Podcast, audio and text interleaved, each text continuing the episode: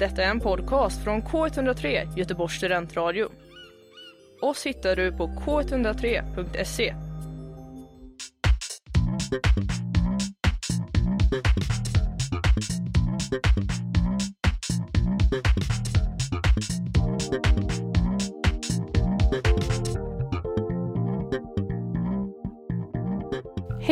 Välkommen till Bokkvartetten, en podd där vi pratar om böcker, läsning och allt däremellan. Eh, idag med mig, Nora, Maja och Lisa. Eh, och idag så tänkte vi prata lite om ljudböcker och särskilt kanske ljudböcker versus pappersböcker eh, och hur den, eh, det ratiot ser ut idag, om det har förändrats eller och vad vi känner kring det. Vad har vi för relation och vad har, eh, hur påverkar det författare idag? Så vi hoppar rakt in och jag tänkte fråga eh, vad har ni för relation till ljudböcker? Lyssnar ni mer eller läser ni mer? Jag skulle säga att jag läser mer, men nu faktiskt det senaste året, nu när vi också läser böcker här i podden, så lyssnar jag faktiskt på en hel del böcker också. Men mest för att hinna känner jag. Mm. Sen gillar jag alltid att ha någon fysisk bok som jag kan läsa på kvällarna. Men ja, men jag har nog börjat lyssna mer, men jag föredrar nog fortfarande den fysiska boken. Alltså egentligen, eller jag kan bara instämma på typ allting. Att det är ibland för att hinna men också för att, eh, att jag lyssnar på vissa böcker för att jag det kanske är sådana böcker som jag inte tror att jag skulle ha läst eller orkat eller känt att det hade varit tillräckligt kul att läsa. Typ någon lite mer åt fackbokhållet eller någon självbiografi eller så. Att jag lyssnar på den för att det, det känns typ mer lätt att ta sig igenom då. Men sen så finns det också vissa fall när man hittar så här, att det här var kanske författarens egen inläsning och då känns det som att det är kul att höra hur den skulle ha läst sin bok eller så. Men, men det är mycket mer fysiska böcker. Men det är intressant också det med vem inläsaren är. Mm. Eh, är ni sådana att ni kan liksom hoppa att lyssna på en ljudbok om det är en irriterande röst som läser in den?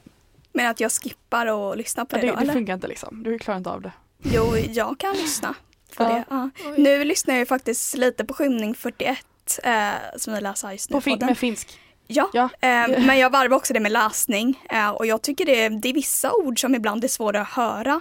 Så då har jag skruvat ner eh, tempot lite grann. Men jag tycker ändå det, det känns typ genuint på ett sätt att det typ ändå är så de pratar och att ja men det tillför också berättelsen.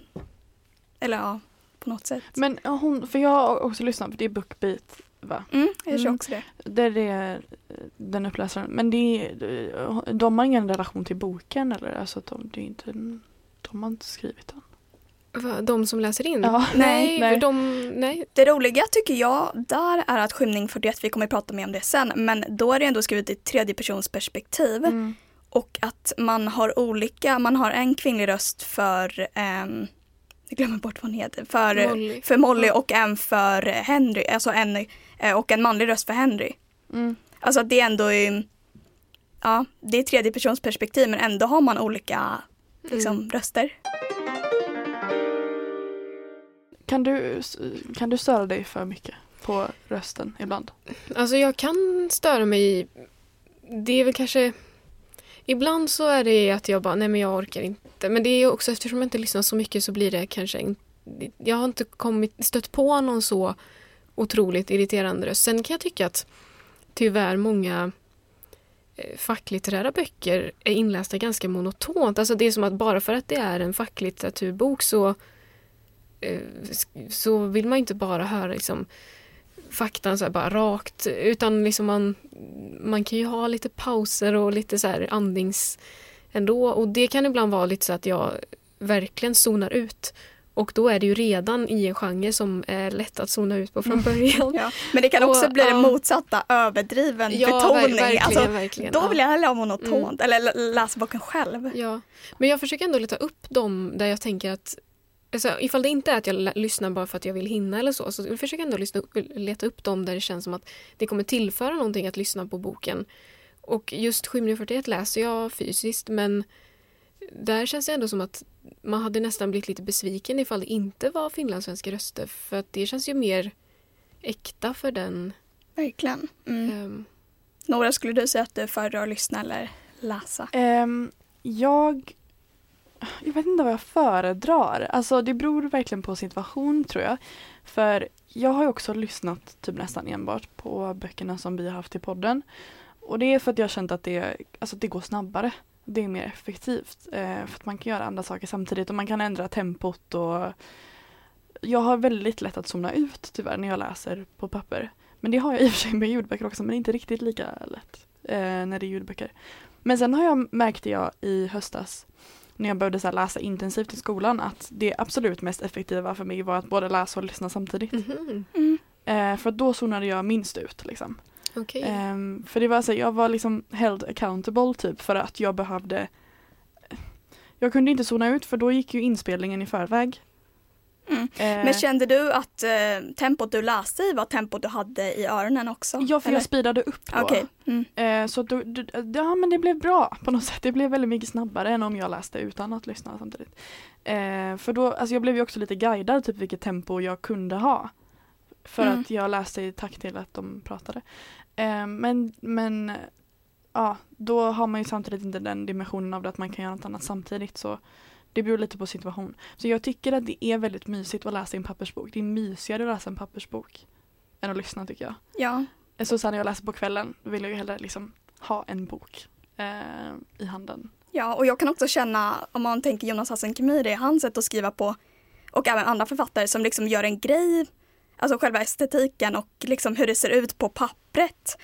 Man går miste om det, typ Mm. att någon kan ha, ja men experimentera så mycket som inte kommer fram via ljudet också. Alltså hur det ser ut liksom. Ja, verkligen. Typ man tänker på alla parenteser som Mm. kan vara att det är så här en parentes i en parentes. Man ser inte riktigt det.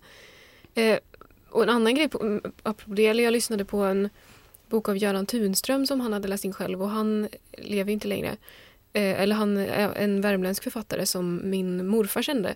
Och så hittade jag en inläsning av honom och så tänkte jag men gud vad roligt att höra den här personen som liksom jag vet att min morfar kände. Så här. Och och sen så hade jag också den boken fysiskt och så bläddrade jag lite i den så såg jag massa grejer som inte hade varit med i Ja. där. Och jag bara, men gud hur stor del av den här boken har jag missat nu? För att det var liksom vissa grejer som var skrivna med versaler. Mm. Typ Mm. ett ord mitt på sidan så här som han hade inte, jag vet inte, ropat det ordet eller vad det nu var som var grejen. Och då blev det lite så här att det kändes som att jag hade typ inte blivit klar med boken för att uppenbarligen var ju vissa grejer inte med. Och att det var lite så här stressande typ att upptäcka det efter att jag hade lyssnat på boken. Ja, alltså jag kan förstå det för att det känns lite som att man har inte, alltså, författarens intention har inte liksom slått igenom Nej. fullt då. Mm. För, för alltså, det är ju säkert, eller det är väl antagligen författaren som men har satt dit de där parenteserna. Ja. liksom. Ja, och det är inte så att den som läser in boken gör någon grej av att kommentera alla interpunktioner. Nej, Så, det ah, där var det två utropstecken. Ja. Nu var det, ja, men när hon sa ja var det versaler. Mm. Mm. Så det, Så då är det som att man inte har tagit del av verket typ så som det skulle tas del av. Mm. Om ni fattar. Eh, jag tänkte lite på det när vi ha- hade Jeanette McCurdys eh, Jag är glad att mamma dog. För vi lyssnade väl på den allihopa eller Ja. var det Alexandra som läste? Det var ju någon som hade boken tror jag. Ja, jag och så, hade boken men jag lyssnade boken. på den hela Ja, tiden. För det såg väl annorlunda ut i boken. Ja, nej, men det var vissa, när någon sa någonting som hon blev väldigt chockad över så kunde det stå ett hö som Ja. var typ täckte typ en fjärdedel sida. Eller nej, inte så stort kanske, men det var liksom väldigt, väldigt mycket större än all den andra texten som skulle vara så här, shit, vad, vad är det här för... å andra sidan kan det ju ändå vara att man liksom säger till läsaren att man ska tänka det här då. Alltså det blir nästan Ja. att man typ förklarar varför det är så. Mm. Ja, men, Alltså, du Ja, menar- men om så man här, hade okej, läst eh, ja, men som Maja sa att det kunde stå ha eller någonting. Ja. Okej, men var det här en överraskelse? Eller liksom, det tänkte inte jag som läsare. Och så typ får den författaren en att tänka det fast man inte hade tänkt det exakt. annars. Och det kommer ju inte då i boken, eller i ljudboken. Så, mm.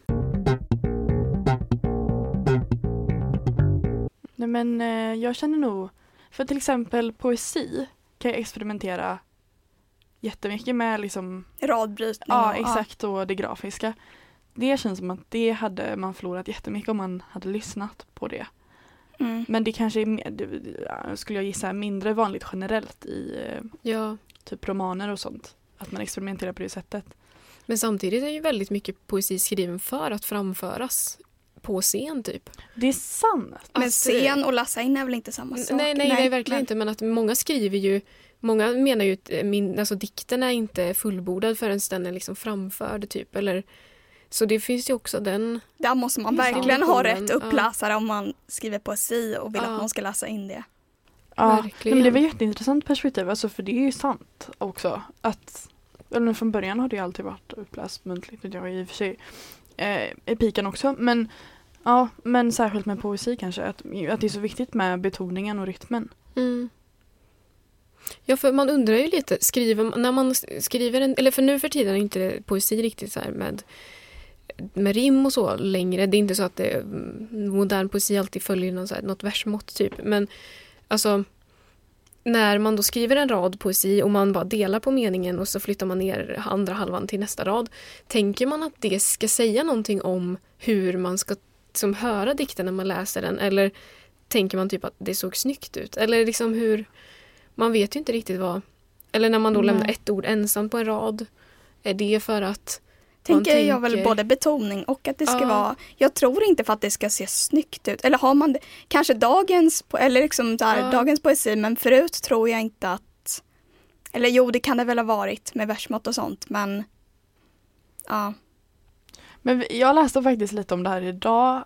ehm, men nu kommer jag inte ihåg vilket eh, tal det var. Ja, när det var.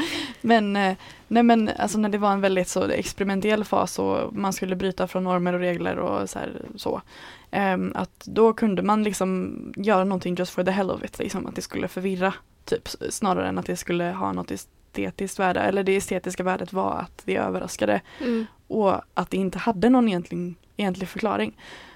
Men, men sen så med det sagt finns det ju också alltså att det ska betonas så här, eh, på ett annorlunda sätt för att det är därför man sätter det på någon annan rad. mm, Eller att man ska bara tänka mer på det.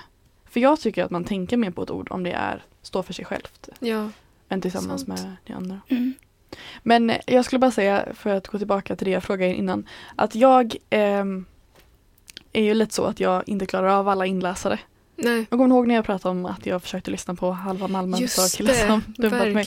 Och att det var så en stockholmsk dialekt att jag kände att det här går inte. Alltså Mm. jag kommer inte ta mig igenom där. Mm. Eh, så ja. Det var någon bok vi skulle lyssna på. Eller det var någon bok vi pratade om som Hedda Stiernstedt hade läst in va?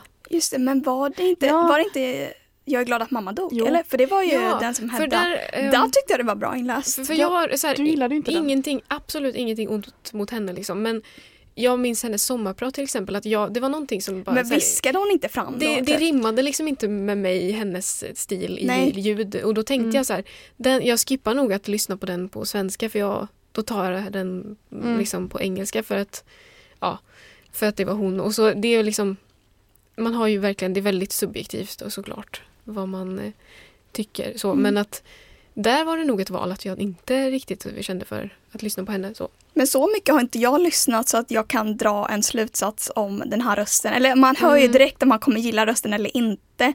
Men jag tycker inte att det, alltså, eller jag har inte upplevt, i alla fall hittills, att jag har skippat det. Nej. Eller liksom att jag har, ja men jag tycker ändå innehållet viktigare Ja, då jo. kanske. Det kanske inte har kommit en tillräckligt irriterande uppläsare. Nej precis, men det kanske kommer.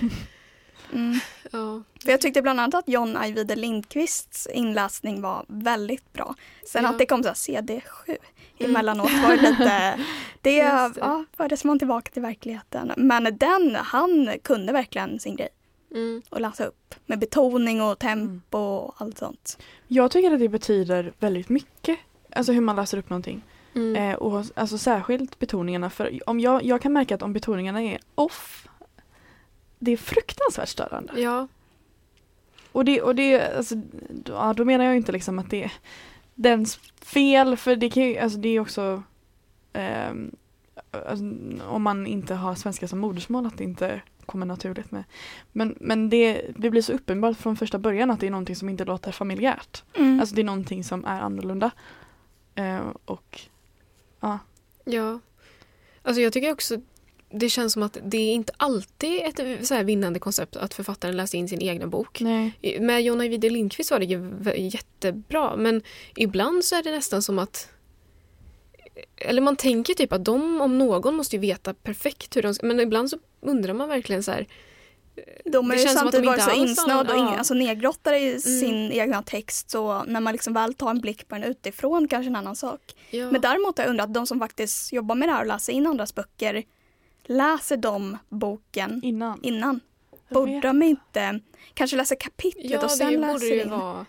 De För- borde ha förberett sig. Det borde inte vara första gången de Nej, ser ordet. Men samtidigt liksom. läsa en hel bok bara för att, eller inte bara för att, men sen läsa in, sen läsa den igen. Mm. Ja. Jag Men tycker de- det verkar som ett kul jobb. Ja. Ja. Men jag tycker det ändå det är ganska viktigt att de lär sig hur saker ska uttalas. Om man tänker på de här talböckerna som blev eh, uppmärksammade som var till, alltså sådana här mm, material, eh, talböcker som är för, eh, nu vet jag inte, det är väl ja men synnedsättning då gissar jag. Eh, att de hade så här deras talböcker, det var typ folk som uttalade utländska namn så här på, med svenskt uttal. Det var typ Wyoming i USA som de bara Wyoming typ. Och att de kände liksom att det läggs Alltså det är typ jag också. det att det typ inte läggs någon så här energi på Att lära bara, bara sig för att också. det här är material för synnedsättning. Mhm, liksom, mm. eller att, eh, och sen jag lyssnar på en bok nu som handlar om eh, typ propaganda och sånt i Ryssland. Och så handlar det om någon eh, bolsjevik som hette Münzenberg. Men, hon säger, men det är ett sånt där U med två prickar och hon säger hela tiden att han heter Munzenberg. Mhm. Och så vet ju jag hur det ser ut och då blir det liksom jätteirriterande. Att, för att det är väl bara, man får väl kolla upp allt sånt tänker jag innan man börjar läsa upp. Eller läsa in, eller liksom eh, Mm. eller det var något spanskt namn som är eh, Jair. Och så säger hon Jair hela tiden. Liksom, fast det för att det börjar med ett J. Och, eller det känns bara som att är det så mycket begärt att man ändå ska kolla upp? eh, Men också var störigt för man, ja, när vi hade radiokurserna när man spelar in sina prator. Allting sitter i sista meningen på sista sidan och så hakar man upp sig Ja. där. Själva rytmen också, alltså så omtagningar och sånt. Man kan inte bara ta om, visst kan man ju ta om från typ en ny mening men man hör också betoningar eller någonting. Men det är ändå genomgående Ja, liksom ja, det- samma ton. Ja, En bok på 700 imponerande. sidor, liksom sida 720 är liksom samma ton som sida Mm. 5. Ja, det är ganska Det, fast det kanske inte är så konstigt ändå om man ändå Nej, Men ändå, alltså hur, för de, de kan ju omöjligt läsa in en bok på en dag. Ja, Alltså när de kommer tillbaka måste de lyssna in och så här Komma prata in. in. sig till en. Ja, Men man kanske eller lyssnar de- på de fem alltså föregående sidorna man spelade in gårdagen exempelvis ja, och sen kanske. Eller kan det vara så här att man har en speciell ljudinläsningsröst som man typ kan lätt falla in i? Man, de som dubbar har ju ofta så här, "Äh, det här är min dubbröst. Ja. Och så låter den typ lite annorlunda, att de har någon så här, de vet exakt hur de ska göra för att falla in i den. Eller ja, De är väl också inte- tränade för jag Ja. märkte verkligen med praterna lät olika till och med från typ så här före lunch och efter lunch kunde det Mm, låta olika. Um, vill bara förtydliga nu, alltså man är inte mindre kapabel att bli ljudupplösare för att man har en dialekt eller Nej, nej, Nej, nej, nej. Men att, att det är så viktigt generellt med betoningar ehm, har jag blivit mer medveten om efter att ha lyssnat mer på ljudböcker. Jag Mm. lyssnade till exempel på ja, Mikael Persbrandt. Har han läst in? Han läste in Mörkrets hjärta ur Oj. dålig bok förresten. Då. Du, det håller du med om? Den- Ja, Ja. fruktansvärt. Och det blev inte bättre av hans uppläsning. Och Det han kan har ju jag liksom ingen dialekt så eller någonting Nej. så, någon brytning så. Men var han en sån som levde sig in eller inte? Eller? Han levde sig in men han levde sig in på något konstigt sätt. Det var liksom betoningar på fel ställen. Det var så här, det var, Ah. jag kan inte sätta fingret på vad det var. Men jag kan sätta fingret på att det var någonting som var off. Oj, ja. Ni får, Mm. ni får typ lyssna på det och så får ni se om Mm. ni håller med Har du sett eh, filmen, han, eh, Hammarskjöld-filmen? Nej jag har inte det. För där eh, är det ju ganska ofta, han skriver ju, eh, Dag Hammarskjöld skrev ju poesi som dagbok typ. Och det är ganska ofta som eh, det i filmen man ser honom sitta där samtidigt som, oj, samtidigt som han då eh, Persbrandt är det ju som spelar Dag Hammarskjöld då, såklart. Men att han läser den här dikten som man ser honom skriva typ. Undrar om det, du hade ogillat hans eh, dikter i den filmen? Eller så här. Ja, För ja, det var ganska så här. Det var ganska typ straightforward inläsning. Eller liksom, Mm, men det mm. var ju ganska så här långsamt. Eller typ, jag vet inte. Ja. ja men det kanske var det att han var långsam. Alltså jag speedade ju upp och tyckte Ja. ändå det var för långsamt. Så det, ja, jag vet inte. Men för jag kommer ihåg att jag blev ganska chockad i alla fall. För han är ju liksom skådespelare. Mm. Så tänkte jag liksom att men det kommer bli jättebra som ljudupplösning. Men det var bara så här. Jag kan inte sätta fingret på vad det var men det var, det var väldigt enkelt att zona ut. Och jag pratade med en annan som hade exakt samma erfarenhet. Mm. Hon bara, ja den Mikael Persbrandts uppläsningen gick inte att lyssna på. Allmängiltigt nu. Nej men det, så det var ju, det är ju någonting där Ja. liksom. Men har ni någon så här extra bra eh, alltså bok som ni tänker liksom att den här upplevelsen lyfte verkligen för att den här inläsningen var så bra? Har ni någon sån? Inte något jag kan komma på. Jag tänker kanske John Ajvide. Alltså som sagt, jag har inte, nu sa jag inte ens hela hans namn, han ska, han ska ändå få det, John Ajvide Lindqvist. Ehm, ja, jag tyckte ändå att, alltså jag har inte lyssnat så mycket men, ja, men just att det var skräck och jag tyckte verkligen han träffade rätt i betoning och tempo som jag har sagt tidigare. Men Mm. den tyckte jag ändå lyfte boken, ja, eller själva berättelsen. Mm. Annars kan jag nog inte komma på någon nu på rak arm. Jag tycker i och för sig Skymning 41 är ganska mysigt med finlandssvenska. Mm. Har du någon Mm. Maja? Alltså en jag tänker på, eller i, i vintras så läste jag Simon och Ekarna. Och den, jag tror att hon hette Helena Brodin, hon som läste in, hon är skådespelare. Jag tror att det var det, alltså det är rätt namn. Men hon läste in den så, det var väldigt så här känsl, känsligt och fint typ att Mm. när det var någon som tänkte någon så här tanke som kanske var jag, kan, jag vet, det är svårt att förklara men det var som att hon nästan kunde viska fram vissa grejer ibland när det verkligen passade. Fast hon hade ju vanlig röst i vanliga fall och att Um, det, jag tror att det var en specifikt tillfälle att det var en som lyssnade, blev väldigt tagen på en konsert um, med klassisk musik och då var det liksom så här hon viskade typ fram vilka känslor som där kände under tiden och sen så var det också några um, några karaktärer som var från Tyskland och då gjorde hon också så här väldigt lagom tysk brytning på ett så här väldigt, det kändes som ett väldigt respektfullt men Mm. också t- talande sätt. Alltså det, var, hon, det var, kändes som att hon hade lagt ner väldigt mycket arbete på, på att göra det bra och det märktes ändå. Men eh, ja, det är ändå roligare när de faktiskt gör något av det än att liksom bara nu ska jag bara läsa boken Mm. eller, eller så. Jag läs, när jag lä, lyssnade på Frankenstein eh, så var det en eh, eh, jättepassionerad inläsare. Mhm. Men det blev lite irriterande. Ah, okej. För det var hela tiden typ. Så det var Mhm. så här, Ja. And then he came done." Och det, så, det var verkligen så. Han måste ha varit skådespelare för att det var liksom andning, puls. Att man tar liksom. sats inför varje mening. Det blir Ja, radioteater typ. Ja. Exakt. Mm. Eh, Och det funkade ju men eh, det var inte avkopplande. Nej. Kändes som att jag liksom bara Man tiden. själv andas snabbare. Typ. Ja. Var det på engelska med? Ja. Och så det var typ eh, var det så här brittisk? Ja! Oj, Ja. Ja. oj. Alltid när man hör på brittiska ljudgrejer så tänker man alltid att det, nu är det dags för hörförståelse. Typ. Ja. Verkligen. ja verkligen. Usch alltså. Fy fan.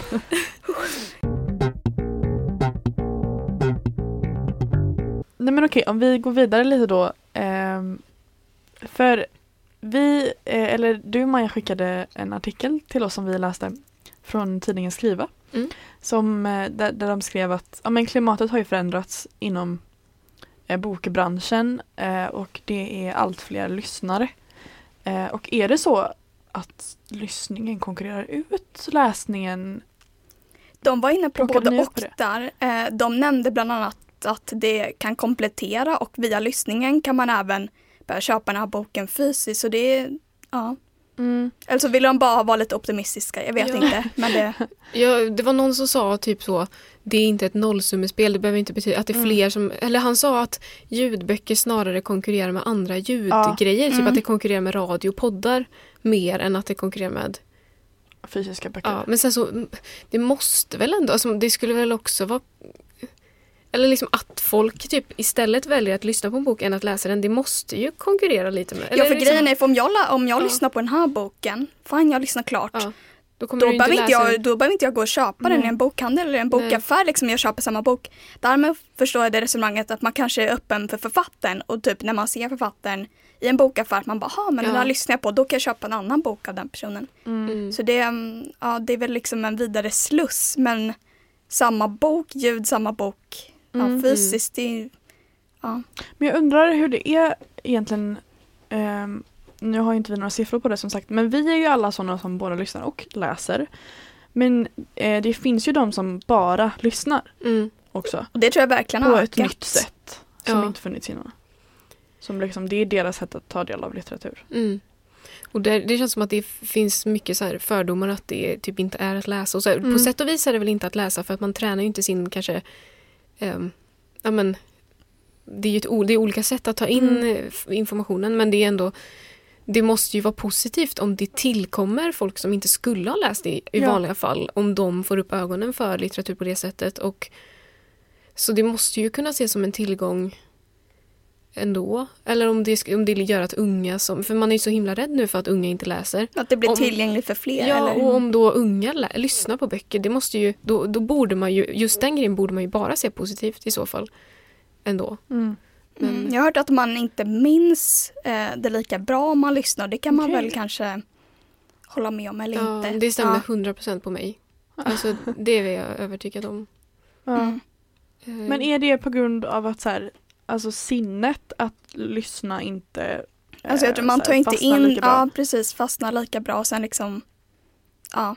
Ja men jag tror det. Jag har men så- ingen vetenskaplig eller det kan ju medicinsk vara förklaring. också Men, att man zonar ut medan Ja, man men det är lyssnar. ja, ja men att man inte aktivt, alltså sin koncentrationsförmåga, alltså också att man kan typ lyssna på en ljudbok samtidigt som man dammsuger eller typ Ja, lagar mat. Att man inte ägnar sin fulla uppmärksamhet åt Mm.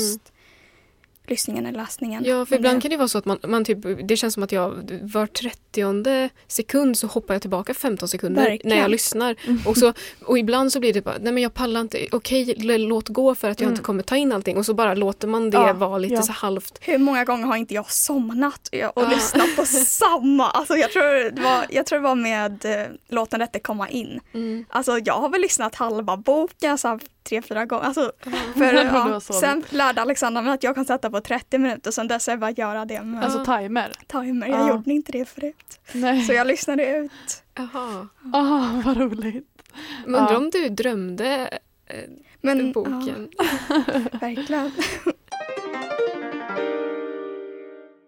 Men eh, det är lite intressant det här om man, om man ska säga att lyssna är att Alltså jag lyssnade på en bok, kan du säga att du har läst den då? Mm. För liksom for the longest time så var jag jätteirriterad när folk sa att de hade läst när de hade lyssnat. Mm. Det var jag liksom kan typ också råka säga det.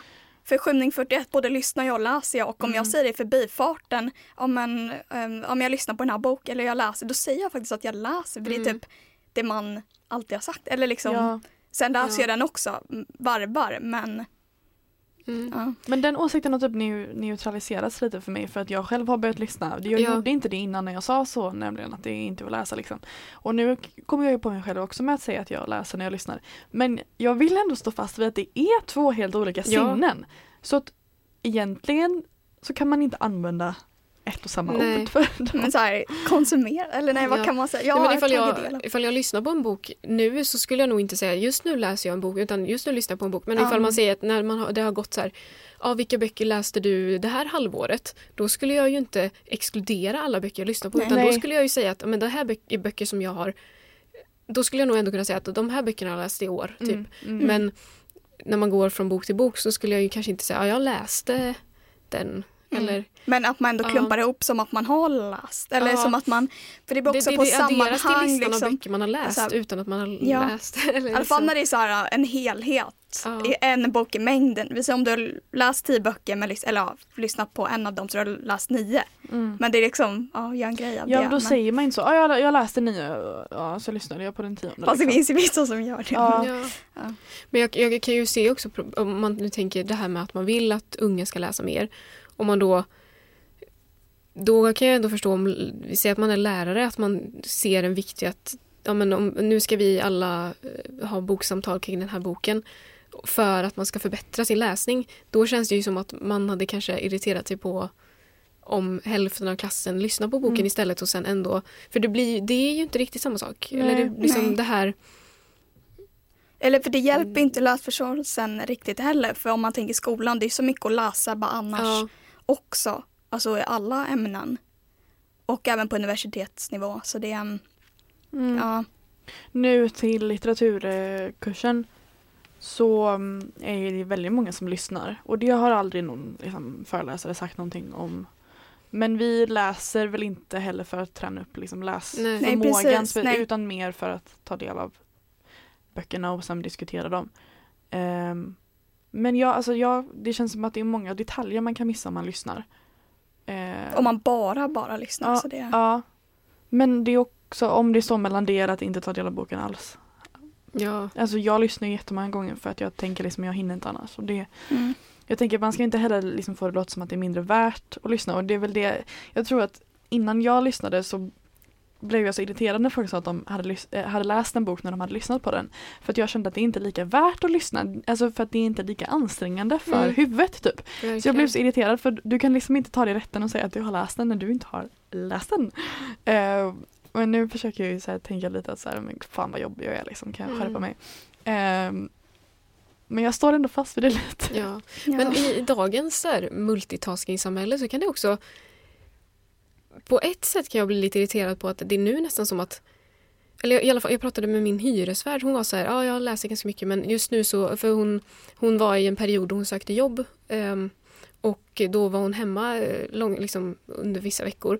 Och då sa hon så här, jag kan inte bara ägna mina dagar åt att sitta och läsa, då får jag göra något medan jag läser, då får jag lyssna istället så att jag kan få något gjort. Och då var det lite som att är man då lat då bara för att man tar Mm. sig tiden att sätta sig och lyssna eller sätta sig och läsa. Alltså den utvecklingen vill man ju inte heller att det ska bli så här att man är eh, att man inte gör någonting Mm. när man läser för det gör man ju. Eller man måste inte alltid göra Fast så kan jag också känna ibland att jag har samtidigt. ägnat en söndagsförmiddag åt att bara läsa när jag egentligen måste, eller typ skriva eller någonting. Och att man inte betraktar det som typ värdefull aktivitet. Eller liksom Ja. så här, som att man typ inte tänker att man har gjort så mycket. Men det, är kanske så också beror dumt. på att man har andra saker att göra. Man är stressad Ja. men det är... Ja, för man borde ju... Alltså allt det är ju... Det är ju bra, tänker jag. Att Ja. liksom kunna ta tiden att sätta sig och... Ja. Ja, Jag tänker att det är en konsekvens av att vi är så stressade idag. Mm. Alltså 100%. Att man inte, alltså, och jag är jättepräglad av det. Alltså jag måste göra någonting hela tiden. Alltså jag sitter ju, alltså jag sitter still. Men jag tänker hela tiden på att jag måste upp snart. Alltså det blir aldrig Ja. riktigt någon avkoppling. Ehm, så att ehm, Ja, alltså jag tror, jag tror att det kan vara en anledning till att många lyssnar för att då kan du göra det på vägen till jobbet. ehm, eller du kan göra något annat samtidigt och ja, du behöver inte känna att det äter Mm. upp timmar av din dag. ja och sen kanske också att man är typ lite rädd för tystnad idag. Att det känns som att varje Ja, gång man ska gå verkligen. någonstans här, så vill man ha någonting. För det är som att vad ska jag göra om, om det bara är tyst? Ska jag gå och tänka Mm. ut Ja, men typ om man har glömt hörlurarna liksom? om man åker spårvagn. Ja, och så får man lite Ja, så här panik Ja, nästan. Fruktansvärt. Ja, eller att gå ut och gå. Jag kan gå ut och gå i två timmar. För att, så här, men så om hörlurarna då laddar ur så blir det så här, jag bara, men gud nu är jag en, en timme hemifrån. Ska jag klara, hur, klarar jag, hur ska jag klara den här vägen hem? Liksom? Ja, Och då får man lite så här nästan, och det, det känns ju lite som att man borde så här, verkligen sakta ner lite Ja. och bara så här, men det är kanske bra med tystnad ibland också. Så här, men, ja. tystnaden är inte farlig liksom. Nej. Samtidigt vill jag ändå säga, jag, jag känner exakt samma. Men när man jämför typ så här sin Spotify-lista, hur många minuter Oj. man har lyssnat så jag Alltså jag är ju verkligen inte ens i närheten av några, eller så, Nej. som, som mina Mm. kompisar. Nej. Så Nej. det, Vi, kan Ja. jämf- vi får jämföra våra sen. Jag, jag, jag, ehm, jag brukar chocka folk med att jag har lyssnat så mycket. Det, det känns väldigt träffande det där med att vara rädd för tystnad. För att jag har alltid på antingen en podd eller musik. Mm. Alltså, så här, jag, det kan ju vara typ att jag inte ens, alltså så, jag sätter på musik för det är en reflex. Jag sätter på musiken på min telefon och sen går jag ut ur det rummet. Jag hör inte ens musiken. Ja. Men det är, så här, det, det är naturligt att den ska Mm. vara på. sen när det väl kommer in i rummet så är Mm. refrängen Ja. bara, Men det är så en reflex bara, så, Ja. direkt. Liksom, mm. när det Mm. inte är något annat som hörs. Så, så det är Ja. lite scary kan jag tycka Mm. ibland. Det känns som en sån dopaminjakt. Ja, vad fan, man måste få leva lite också. Ja. Andra sidan. ja. Eh, I den här artikeln då i alla fall från Skrivartidningen så eh, nämnde ju vissa författare att de liksom var rädda att de, att de skulle ses som mindre värda för att de var ljudboksförfattare och att det liksom var lite tabu. Och det var inte lika bra som att vara ja, men, published Säger man textförfattare? eller Textförfattare. liksom, Print. Ja. printförfattare. ja, men det Ja. var ju någon där intervjuperson som sa att hon säger att hon ser sig som författare. För även om hon främst riktar sig mot ljudformat och ljudappar så är det inte att hon anpassar sin text att det här ska vara ljudformat, det här ska vara i textformat. Ehm, och det Mm. tyckte jag ändå var en väldigt så här, fin poäng i det hela. Mm. Ja, samtidigt var det ju no någon av dem som sa att de hade sett en tendens att att det finns typ en vanlig bransch som är liksom, ja, men vanliga författare som skriver vanliga böcker så blir de inlästa. De, eller så blir de bara ljudböcker eller så.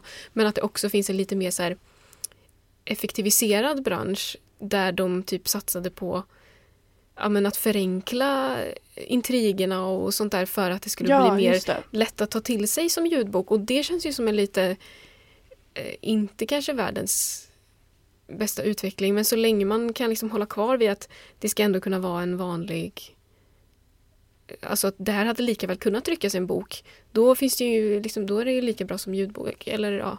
Jag menar att man ändå bevarar litteraturen på det sättet som Ja. den är och främjar att den ändå är kvalitativ. Eller liksom Mm. att den, Mm. ja.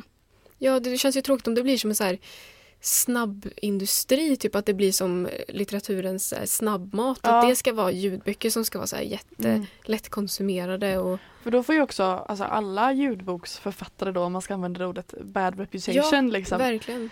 Ja.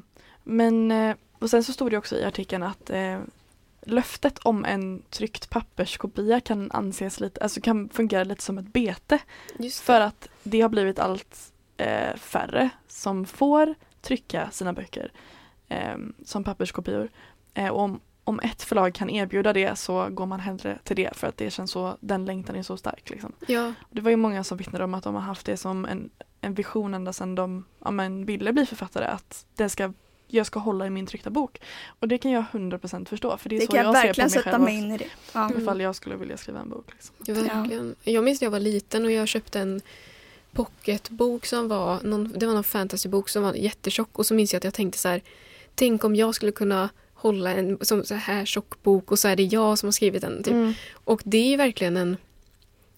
För det blir ju som ett... Eller jag, jag fattar inte riktigt varför man inte skulle kunna få den känslan med en ljudbok. Men jag tror fortfarande inte att... Men det är för Även att det inte jag- är fysiskt. Ja, men för även om inte jag... Jag håller inte med om att den har ett lägre värde. Nej. Så vill jag ändå, skulle jag ändå vilja se Ja. min bok i fysiskt. Alltså, jag, jag vet inte varför men det känns ju typ så. Eller Men är det inte bara att, man, alltså, att man inte har hunnit vänja eh, om sig än? Alltså det fortfarande är, Jo. vi är så präglade av pappers... Ja, men det var väl också någon där intervjuperson, jag minns inte heller vad hon heter, eller jag efternamn, någonting ehm, som bara hade blivit antagen alltså av ett ljudförlag, eller vad man Mm, säger, ja. eh, som bara producerar ljudböcker och att hon sökte sig till andra förlag som kunde ge ut hennes bok i tryck men att hon, det var ingen eh, men, det var inget förlag som nappade. Så då gick hon tillbaka till det här förlaget som ehm, gav ut hennes bok i ljudformat. Mm. Och att det typ kändes det hade man ju typ själv gjort också, eller hade inte ni det? alltså, börjat Alltså, med att leta på andra ja, ställen först. men också ja. ändå gått tillbaka Ja. för på något sätt är det ändå typ innehållet och det som kommer ut som är det viktiga kanske. Mm. Mm. Men ändå är det så pass viktigt att få Mm. den fysiskt, liksom Mm. se den framför sig. Ja, alltså det, det, du, oavsett vad så har man ju fått sin bok published liksom. Men att den inte visas lika eller att det inte synliggörs lika mycket eller att den, Ja. jag vet inte, men jag har också en sån känsla att det hade typ varit Mm. en besvikelse om man har skrivit en Ja. bok och så, ger den, och så ges den bara ut liksom ljudbok. Mm. För det känns som att det får också mycket mindre ehm, eller även om vissa säger då att ljudboken kan vara liksom ett sätt att upptäcka en författare, liksom att det kan vara ett sätt att få en större spridning, så tänker man ju också att men det här att en bok står där i liksom skyltfönstret på bokhandeln, på Ja men det På en gör, ju, ja, det gör ju att folk får syn, man går fram till böcker man inte har sett och så bläddrar man i Fast dem. det har jag också liksom- hört att man gör de här, i de här ljudapparna för då är det Mm, ja. algoritmer som Ja. styr och då nischar verkligen Ja men så här, om jag läser den här boken, gillar du den här? Som är liksom Ja, samma genre. Ja, också det som de nämnde att det är inte ett lika stort commitment att börja lyssna på en ljudbok för du kan bara sluta. Medan om du ska bestämma dig för att nu går jag och köper en bok så är det mer liksom, Så om man då Man boken behöver kostar vara- 399 Mm. ja då behöver du vara väldigt övertygad om att den, så att man kanske har lättare att ge nya författare eller böcker man inte är så säker på en chans om det är en ljudbok. Mm. Jo, men lite sam samtidigt det där de sa att nu har det blivit mycket lättare att man kan se så exakt hur många procent, eller var i boken tappar folk, Folk intresset. lyssna. Och det ja. blir lite som det här industrialiseringen, som man också Ja. tänker i journalistgrejen, Mm. att det ska vara så här, de ska mäta alla klick, de ska mäta hur många sekunder har folk varit läsare, inne ja. och läst på artikeln, hur många, hur många nya prenumeranter har den här artikeln fått. Alltså det blir liksom hela det här att alltings syfte blir liksom att optimera till eh, ja, men läsare. Alltså, och det känns som att det... Det känns påklistrat. Om man tänker innehållet i en bok Mm. och sen typ hur, hur gör man någonting på innehållet för att det liksom ska vara Ja men det känns som marknadsstyrt alltihop och att man typ inte bevarar eller behåller liksom innehållet och vad det faktiskt är. Ja, för att alltså, de, Fånga läsare. det som de sa, de stod ju liksom att Nobelpristagare har inte gjort sig bra i ljudboksformat. Betyder det liksom att om en, de, men de har ju uppenbarligen något annat värde Mm. som har gjort dem till stor litteratur och då, då kanske inte man ska mäta Att det blir en uppdelning i litteraturen Ja, också. Att det ja, och då kanske man inte ska mäta litteratur på det sättet. Liksom, var tappar man Mm. För om jag läser en bok och så kommer det ett parti som oj det här var lite tråkigt så kanske det blir jättebra sen. Men om jag lyssnar på boken så kanske jag slutar bara aldrig lyssna klart. Ja, Eller det är sant. Att man också kan släppa det enklare om det är en ljudbok. ja, och att, att man kanske... Eller ja, det känns också som att det till, bidrar till det här snabba som Mm. är så. Det känns också som att så här, men uppdelningen i litteratur hade nog funnits en way back. Alltså det är också typ en viss typ av litteratur ofta skulle Ja. jag vilja hävda som får Nobelpris. Ja, absolut. mm. Ehm, och så. Men ehm, och alltså bokbranschen har ju alltid brytt sig väldigt mycket om pengar. Mm. Ehm, en bok behöver ju sälja för att det ska vara värt att trycka den. Jo, Det är jättemycket verkligen. marknadsföring i det och ekonomi och så här hej och hå och vad Alltså vi- vi- vilka böcker som man tar in till ett förlag beror ju mycket på hur, typ, ja, men hur den författaren har sålt tidigare och också så här, vad som trendar just då. Men jag, men jag ser verkligen vad du säger med att det kanske blir det gånger tio med Mm. ljudböckerna. När man kan mäta så specifikt vad det är som är populärt. Mm. Mm. Jag får man också tänka den här uppdelningen, författarna bakom böckerna som liksom ges ut i tryck, deras inställning till ljud, alltså bok och ljudformat, alltså det borde ju verkligen vara att man, ja men, jag vet inte. Alltså så här, synen på typ varandras verk och typ andra, alltså synen på andra författare kanske också påverkas, eller? Vad tror ni? Mm. Om ni förstår vad jag menar? Jo, men att, så här, för att det skulle sluta ses som mindre värt så måste ju alla tycka det. För det räcker ju att om, om alla som ger ut sina böcker bara som ljudböcker tycker att det är fine så kommer det ju ändå ses som... De kommer ju inte kunna släppa att det ses som mindre värt om resten av författarvärlden tänker att det är dåligt. Ja, men, och- eller, Ja, ja, men också när du sa att Nobelpristagare görs bra i tryck. Alltså Mm. det blir också en, det formar ju själva uppdelningen och Ja. säger någonting Ja. om de tryckta böckerna också. Mm. Som inte ljudböckerna har. Ja, att det Mm. här var tillräckligt Ja. För konstnärligt. att, tryck, för att liksom- förtjänas att tryckas typ. Ja. Mm. För jag har också märkt, eh, ibland letar jag skrivtävlingar, novelltävlingar och att ett kontrakt är ljud, alltså att novellen ges ut i, som ljudbok Mm. och inte så här fysiskt eller någonting. Ja. Men Mm. sen en viktig aspekt av det som så här förklarar mycket är också det ekonomiska. Att det är ju dyrare att ge ut. Eller? Ja, Det- det, det, ja. det måste ju vara därför det är. Ja, för jag vet ju att författaren får mindre pengar om den ges ut som en ljudbok, liksom per lyssning, per Mm. streaming liksom, är mindre pengar. Versus om någon köper någons bok. Så det är ju en ekonomisk aspekt och sen också att det är billigare att producera ljudböcker än att producera pappersböcker. Och också såklart alltså miljöaspekten. Mm. Och jag tänkte ju att jag skulle kolla upp det. Jag skulle googla så här, hur dåligt är böcker för klimatet? För att Ja. jag tänkte så här, på sätt och vis så är det ju inte bra. Men samtidigt så... Om man jämför med annat så är, Ja. det, är det som påverkar mest. Nej, jag, jag, jag har så svårt att tro det för papper är ändå... Jag vet inte, jag har ju efter, inte koll på det här men jag skulle, man hade velat ta reda på så här, den boken jag köper nu, hur mycket så här, mm. Men var det inte någon diskussion i samband Ja. med när, när allt fler iPads infördes i skolan och att man började skriva prov digitalt? Mm. Att de ändå kom fram till att det är så här, nej men eh, att skriva på papper påverkar ändå inte så här, nej. ändå inte något stort avtryck på Nej, och folk tänker inte eller heller på att, att använda internet och vara ute och surfa, det släpper ju också ut koldioxid. Alltså, de digitala grejerna är ju inte heller liksom... Eller jag vet inte, man, eller så är det bara att man inte vill tänka att böcker är... Nej, men det hade varit intressant med siffror för att jag har Ja. nog tänkt att det är en stor miljöbov med papper och böcker. Okej, nu har jag bara googlat det översta som står här. Flera undersökningar har jämfört miljöeffekterna av att läsa på papper och att läsa digitalt. Resultatet visar att det faktiskt inte är någon större skillnad. Okej. Det kan verka konstigt, en pappersbok kräver ju att man hugger ner träd, tillverkar papper, trycker tunga böcker och fraktar dem och bla bla bla. Så står det. Ehm, men det går faktiskt åt en hel del energi för att hämta e-boken och läsa den och ju längre tid du läser desto mer belastas miljön. För en genomsnittlig tidskrift går brytpunkten vid 40 minuter.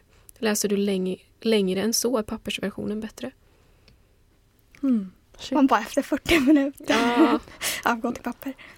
Ja, ja, nej men det var jätteintressant. Den, det här var den översta artikeln. Den kommer från Kommunalarbetaren. Så läser du miljövänligt. En artikel. Så jag vet inte liksom vad andra säger. Men Ja, Mm. det kan vara trovärdigt. Men det verkar ju inte som att det är någon så här chockartad skillnad i alla fall. Nej. Men de om det två. hade varit det så, hade, så tror jag att vi hade, alltså man hade väl hört om det mer. Eller Mm. liksom, eller jag har inte hört om det så mycket. Nej, jag bara Nej. antagit. Men det är kanske en ursäkt för att det egentligen handlar mycket mer om effektivisering och ekonomi Mm. och att de bara så här Tänk på klimatet. Mm. Alltså så, så är det inte så stor skillnad. Jag kände också bara att jag ville lyfta liksom något mer positivt för ljudböckerna. Att Mm. Det finns ju väldigt många som har väldigt svårt att läsa. Mm. Absolut. Ehm, och ja, eh, ett personligt exempel. Min flickvän eh, har förmodad eh, ADHD. Hon, hon, hon gör en utredning. Och hon, hon läste när hon var yngre. Sen fick hon svårare med koncentrationen. Och hon har inte läst någonting sen dess. Det går typ inte för henne. Men hon har lyssnat jättemycket. Mm. Och det är ju fantastiskt. Ja, Liksom. men det är en jättebra tillgång. Verkligen. Så jag bara tänkte på det att it's not all that bad. Nej, Nej, Nej men det kanske låter dåligt men alltså, jag uppskattar verkligen att kunna lyssna. Alltså, Ja, det är absolut, och det finns jättemånga som, som vi sa som aldrig skulle ha läst om det inte fanns. Och det är ju ehm, det kommer ju göra någon sorts klyfta mindre liksom. mm. Verkligen. Men är det inte någonting med också att, eh, nu med AI, hela diskussionen här och allt, men att AI i framtiden kommer kunna liksom att man anpassar rösten så att det typ blir författaren. ja, Eller liksom att man genom AI kan få fram författarens röst. Eller någonting, Ja. att man kan liksom välja röster. också att du kan få fram en helt random röst. Mm. Som Ja. ändå kan ha liksom rätt betoningar. Att det låter naturligt, låter som att det är mänskligt inläst. Då hade det ju blivit ännu mer effektiviserat. Undrar vad det Mm. står på liksom uppläsare då. Alltså Ja, står det AI? Eller Robot. robot? Men det känns, ja, Det det är känns bara att man är så teknikfientlig typ. Men Ja. alltså man är, blir rädd för allt som AI ska ersätta. Eller Ja. liksom när kommer de börja skriva böckerna? Liksom, när kommer Ja. de börja... Nej, du kan inte skriva. Och då, har, alltså- då har inte vi någon bransch hörni. Nej, då är det liksom... Förlåt men när man ber ChatGPT skriva typ en novell eller typ en dikt. Alltså det är så klyschigt så att jag mår dåligt, mår illa. Nej men alltså det är så, det är så dåligt. Verkligen. Ja, jag så, för, Solen lyser, gräset är grönt. Man bara, ja, nej, jag, nej det är inte. djup Vad djupt. poesi. Ja. Ja. För Novellix har ju gett ut en, liten, en sån ask med fyra Mm. noveller som är skrivna av AI. Jag har Va? inte läst dem, jag vet inte vad de Men, handlar men om. de har ju tagit inspiration, de har ju gett ChatGPT lite instruktioner och kommandon att de ska typ, ja men jag tror en var från Karin Boye, eh, Kallocain eller någonting. Eller kris, ja nu minns jag inte riktigt. Att de döper huvudpersonen till det här och, och huvudpersonen ska ha de här egenskaperna och det här ska hända. Alltså man måste ju ändå hjälpa ChatGPT. Mm. Men, men, att det ska, men att det ska vara romantik och att ja. det här ska hända men sen utformar ChatGPT själva berättelsen. mm. Ja, de hade man velat läsa för att liksom se. Ja. vad- Men jag tror den också Ja. blir ganska repetitiv för Mm. grejen är, jag har inte läst de här eh, novellerna som Novelix eh, eh, gav ut. Men det jag hörde var att alltså, det upprepade sig ganska mycket och att de återkom till samma tema. Det var ganska klyschigt. Det var att de ville att alla berättelser skulle sluta lyckligt. Då liksom så här formade en ganska Mm. Mm. genomgående individ. ton över det hela. Det var inte så Mm. mycket med personligt språk och sånt. Men så här, man undrar också, varför läser man egentligen? För att om man nu... Eller vad är det som gör... För om jag läser en bok, det är inte alltid så att jag tänker på den här författaren bakom och vad vill personen och liksom så. Nej fast man tänker men- ändå om det är en jättebra metafor. Ja, Alltså ja, för det blir som att... en Det- jättebra metafor tror inte jag en AI kan skapa. Nej. För då blir det ju som att om man läser Tror du liksom AI kan skriva systrarna? Eller? Nej, nej, nej, verkligen inte. Men då blir det så här... Då är det som att man läser inte bara för att läsa för att det är kul för att läsa texten. För då hade man ju kunnat läsa en berättelse som Mm. en AI hade skrivit. Så det, är någonting mer, även om man kanske inte tänker på det. Att det måste, någonstans finns det kanske i bakhuvudet hela tiden att det är någon som... Ja, fast det är inte något som man tänker på hela tiden. Eller... Ja, vi, vi har faktiskt läst om det här nu förra Jaha. veckan. Typ så här, ja, det heter okej. Centripetalläsning och centrifugalläsning. Oh, typ så här. vardagliga uttryck.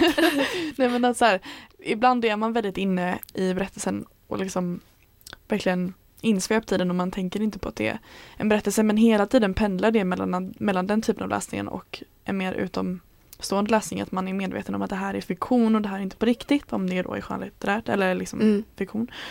Eh, och alla berättelser, även de som känns som liksom absolut mest gripande har ändå någon slags balans mellan de två faktorerna. Så det finns alltid där att man vet att man läser Ja, fast det kan finnas mindre av dem om man är väldigt inne i det. ja. Så har jag förstått det i alla fall. Mm. Mm, för det känns som det är det som kan få en att orka sig igenom vissa böcker som man typ hatar för att man bara, ja men det här var en jätteviktig författare för den här epoken typ. Och det är det som får en att tänka att jag ska klara och om man då, om det var en AI så är det skitsamma. Eller liksom. Och det, Ja. ja. Ja, för det är ju, ja, verkligen. AI, liksom upphovsrätt och mycket, alltså så här, Mm. kanske finns olika tjänster i framtiden som man kan säga att det är den här AI som har gjort det här och den här det här typ. Mm. Nej, Ja, det är klurigt. svårt. Mm. Jag tror, eller jag vill inte tro i alla fall att AI hade kunnat ersätta liksom För jag tänker med litteraturen, den går igenom så många vågor och rörelser och det känns inte som att AI kan skapa dem. Nej. Jag tror AI också är begränsad liksom. för ibland när jag ställt någon fråga, alltså det här är verk, alltså så här för ja, någonting, bara för kul skull verkligen. Så har han typ så här, ja men jag kan inte inhämta infra, eh, information från före typ 2000-talet eller någonting. Den är väldigt begränsad här Mm. och nu typ och om man då vill liksom skriva om någonting som hände förr eller liksom göra lite research kring ja men 50-60-talet så tror inte jag att det är Mm. Ja. Alltså den måste ju ändå typ ha en, den kan ju inte bara ha en yta, eller liksom ytlig kunskap. Alltså man måste ju ändå, att jag upplever att den har väldigt ytlig kunskap. Mm. Sen kommer den ju få Den har mycket kunskap men kunskap. ytligt. Ja. Ja. Men det känns ändå inte som att den, den, den kan inte starta någon revolution Nej. eller något sånt. eh, Nej, det kan inte göra något så här, det här verket blev liksom eh, band. Men tänk om i, tio år, USA. den som, vinner, Exakt. den som vinner Augustpriset är ChatGPT. Ja. Eller någon AI typ. Ja, nej, men verkligen. Det blir, för, för det är det man vill också, att man vill ju att det ska säga något om samtiden. Man Mm. vill att det ska vara en produkt av sin tid. Liksom på, ja, Verkligen. ja. Det har ju ett stort värde eh, tycker jag att eh, för, ja, så jag vet inte apropå liksom hur mycket man tänker på typ författarens intention när man läser men att om man typ har hört mycket om en bok att den ska vara bra eller den ska säga mycket om vår samtid så det, det, det är ett plus för mig att, att eh, den gör anspråk på att säga någonting om, om världen och alltså det ändå finns någon Mm. något budskap som är så här nytänkande. Jag både Mm. gillar och inte gillar det för ibland om någon säger det och så känner jag själv att så här, Åh, jag inte läst den här boken. Eller typ, då vill man verkligen läsa den men sen typ Alltså också att allting ska ha ett så stort allvar och alltså ibland kanske man bara vill läsa Ja, för att verkligen. läsa. Mm. Och då typ sådana böcker är ju inte jätte, jag vet inte, det kanske inte känns, känns jätteskönt att liksom ta sig in i då. Nej. Men, det, Nej. ja, men jag tycker ändå om att det, ja jag är både och kring det. Mm. Men undrar om, om, man, om man bara vill läsa så här eh, något väldigt lätt feelgood om man hade kunnat läsa en AI-skapad feel. Alltså jag tror typ AI framförallt kommer producera feelgood. Ja men det blir också som att, för feelgood och typ deckare och så, eller deckare är väl både, ses väl både som bra och dåliga men feelgood kan ju vara och typ romance ser ju, ses ju redan ibland av vissa som lite så här lägre stående eller Mm. inte lika hög eh, konstnärlighet.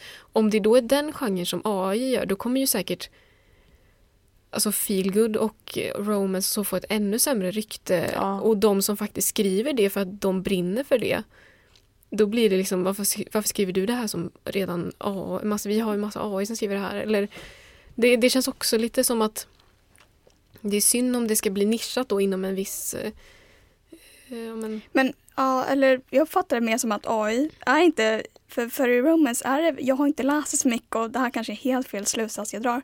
Men är inte det ganska klyschigt skrivet? Eller är inte det ganska klyschiga berättelser? jo, men och det kan AI nog- skriver klyschigt och då, Jo, fast jag tror att det är väl ändå... Det, måste, Ja. det finns ju nyanser Ja. i vissa. Jo, väl. är ju jätteklyschiga och kanske och andra...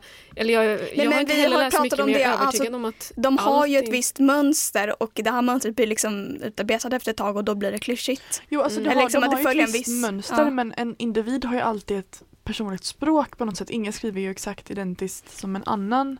Mm. Det finns Ja. ju, alltså en roman en romansbok skiljer sig ändå från en annan. Mm. Ja, absolut. Mm. Och jag vill typ så här, på ett sätt vilja läsa romance för att typ känns som Mm. när man säger så här att man typ har massa fördomar om det och det Ja, för jag tänker, man, jag läser inte heller så mycket men jag, tror, man, jag vill inte heller underskatta det att det kan verkligen funka som en sån avkoppling för vissa som bara älskar att vara i den här världen och då Mm. när de har läst klart en så är, uppskattar de ju antagligen att det finns en till Ja. som Mm. är men det var det som jag de kan förut. lita på. liksom, Jag älskar också när kan- böcker säger någonting om samtiden men ibland vill man bara koppla av och måste Ja. det vara då Mm. på så, här, så stort allvar att man liksom från varje bok ska man lära sig Mm. det här, man ska Ja, liksom verkligen. Mm. kommer få förändrat dig Det var inifrån och ut. intressant att vi kom in på det här för det här har jag också precis läst om. Så här, en undersökning av, eh, där det, det var en kvinna som intervjuade eh, en grupp kvinnor som läste alltså flera romanceböcker i veckan. Liksom. Mm. Plöjde verkligen. Eh, och varför de var så inne i det och det var mycket en verklighetsflykt från eh, eh, ja, men, konventionerna i ofta ett eh, liksom, heterosexuellt förhållande mellan Mm. en man och kvinna och kvinnans liksom, eh, uppgifter. Och att det var ett sätt att fly bort från det.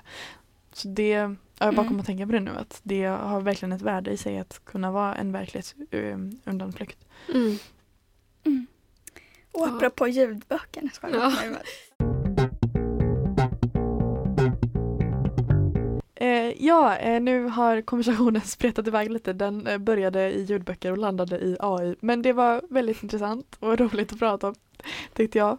Ja. Eh, och eh, vi hoppas att du har tyckt om och lyssnat på det här avsnittet. ehm, och tyckt att det var intressant. Eh, nästa avsnitt kommer vara ett bokavsnitt då vi kommer diskutera Skymning 41 av Kjell Westö. Eh, så du får jättegärna lyssna på det om du vill och eh, läsa boken eller lyssna på boken Ja. för all del innan.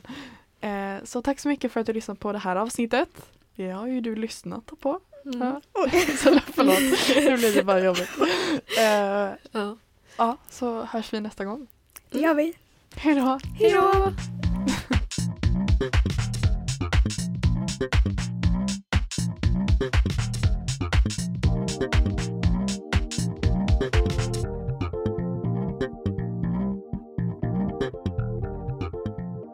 Jag ska dricka en liten...